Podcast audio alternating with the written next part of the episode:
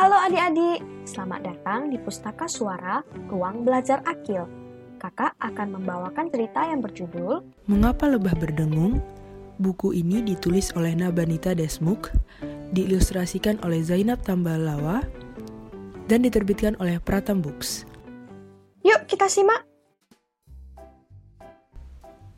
Bzzz. Hei, dengungan apa itu? Apakah itu kode yang digunakan lebah untuk memanggil teman-temannya? Atau nyanyian kegembiraan ketika mereka menemukan madu? Lebah, terutama bumblebee, menghasilkan dengungan keras ketika terbang. Suara itu dihasilkan dari kepakan sayap yang bergerak ke atas ke bawah.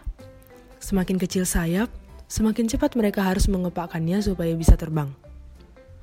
Semakin cepat mereka mengepakkan sayap, semakin keras suara dengungannya. Lebah juga mendengung untuk melakukan tugas penting. Mereka membawa serbuk sari dari satu bunga ke bunga lain, seperti tukang pos mengantarkan surat. Serbuk sari adalah bubuk halus pada bunga yang fungsinya membantu tanaman menghasilkan benih. Lebah adalah pengantar yang andal. Berkat mereka, banyak tanaman baru tumbuh di mana-mana. Bagaimana serbuk sari yang kecil itu bisa menempel pada kaki lebah? Ketika lebah duduk di atas bunga untuk menghisap madu, serbuk sari menempel di kaki dan badan mereka. Kemudian, saat lebah yang sama terbang dan menari dengan lincah di dekat bunga, serbuk sari lepas dan mengenai bunga-bunga lain. Lebah itu terbang lagi ke bunga lain dan meninggalkan serbuk sari di sana sekaligus mengambil serbuk sari lagi. Proses ini berlangsung terus-menerus. Lebah adalah orang tua asuh untuk tanaman-tanaman baru yang tumbuh berjauhan dari tanaman induknya. Bisakah kamu mendengar napasmu sendiri? Biasanya tidak. Tapi kamu bisa mendengar lebah bernafas. Itu karena dengungan lebah juga merupakan suara nafasnya. Lebah mempunyai tubuh yang kecil dan beruas. Ketika ia bernapas, udara masuk seperti roller coaster melewati bagian bergelombang dan menghasilkan dengungan. Menarik bukan? Lebah-lebah yang sibuk itu benar-benar menakjubkan ya? Tahukah kamu? Lebah adalah pekerja keras. Mereka bisa hidup sampai 9 bulan pada musim dingin dan hanya hidup 2 bulan saat musim panas. Bekerja terus-menerus tanpa bermain tidak membuat mereka bosan.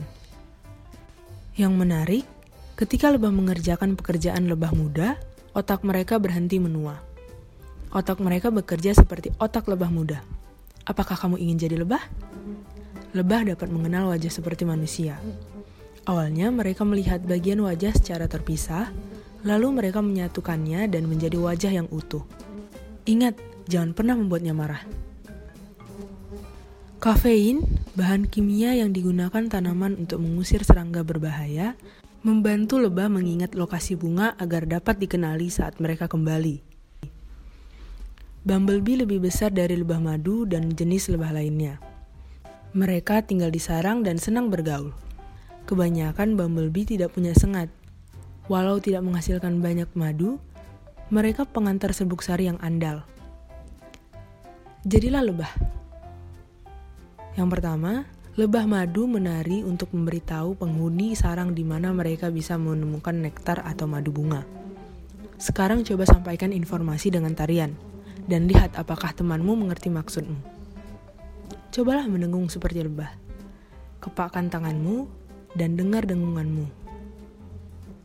Yang ketiga, sarang lebah diakui sebagai karya teknik terbaik. Kenapa? Cobalah gambar segi enam sempurna seperti sarang lebah, atau buat model segi enam menggunakan karton biasa. Kamu akan menemukan jawabannya. Yang keempat, Cobalah mencium bunga yang memiliki aroma berbeda. Kamu bisa membayangkan mengapa madu yang berasal dari nektar yang berbeda rasanya juga berbeda. Cerita ini dinarasikan oleh Kak Chesa dan disunting oleh Kak Firia.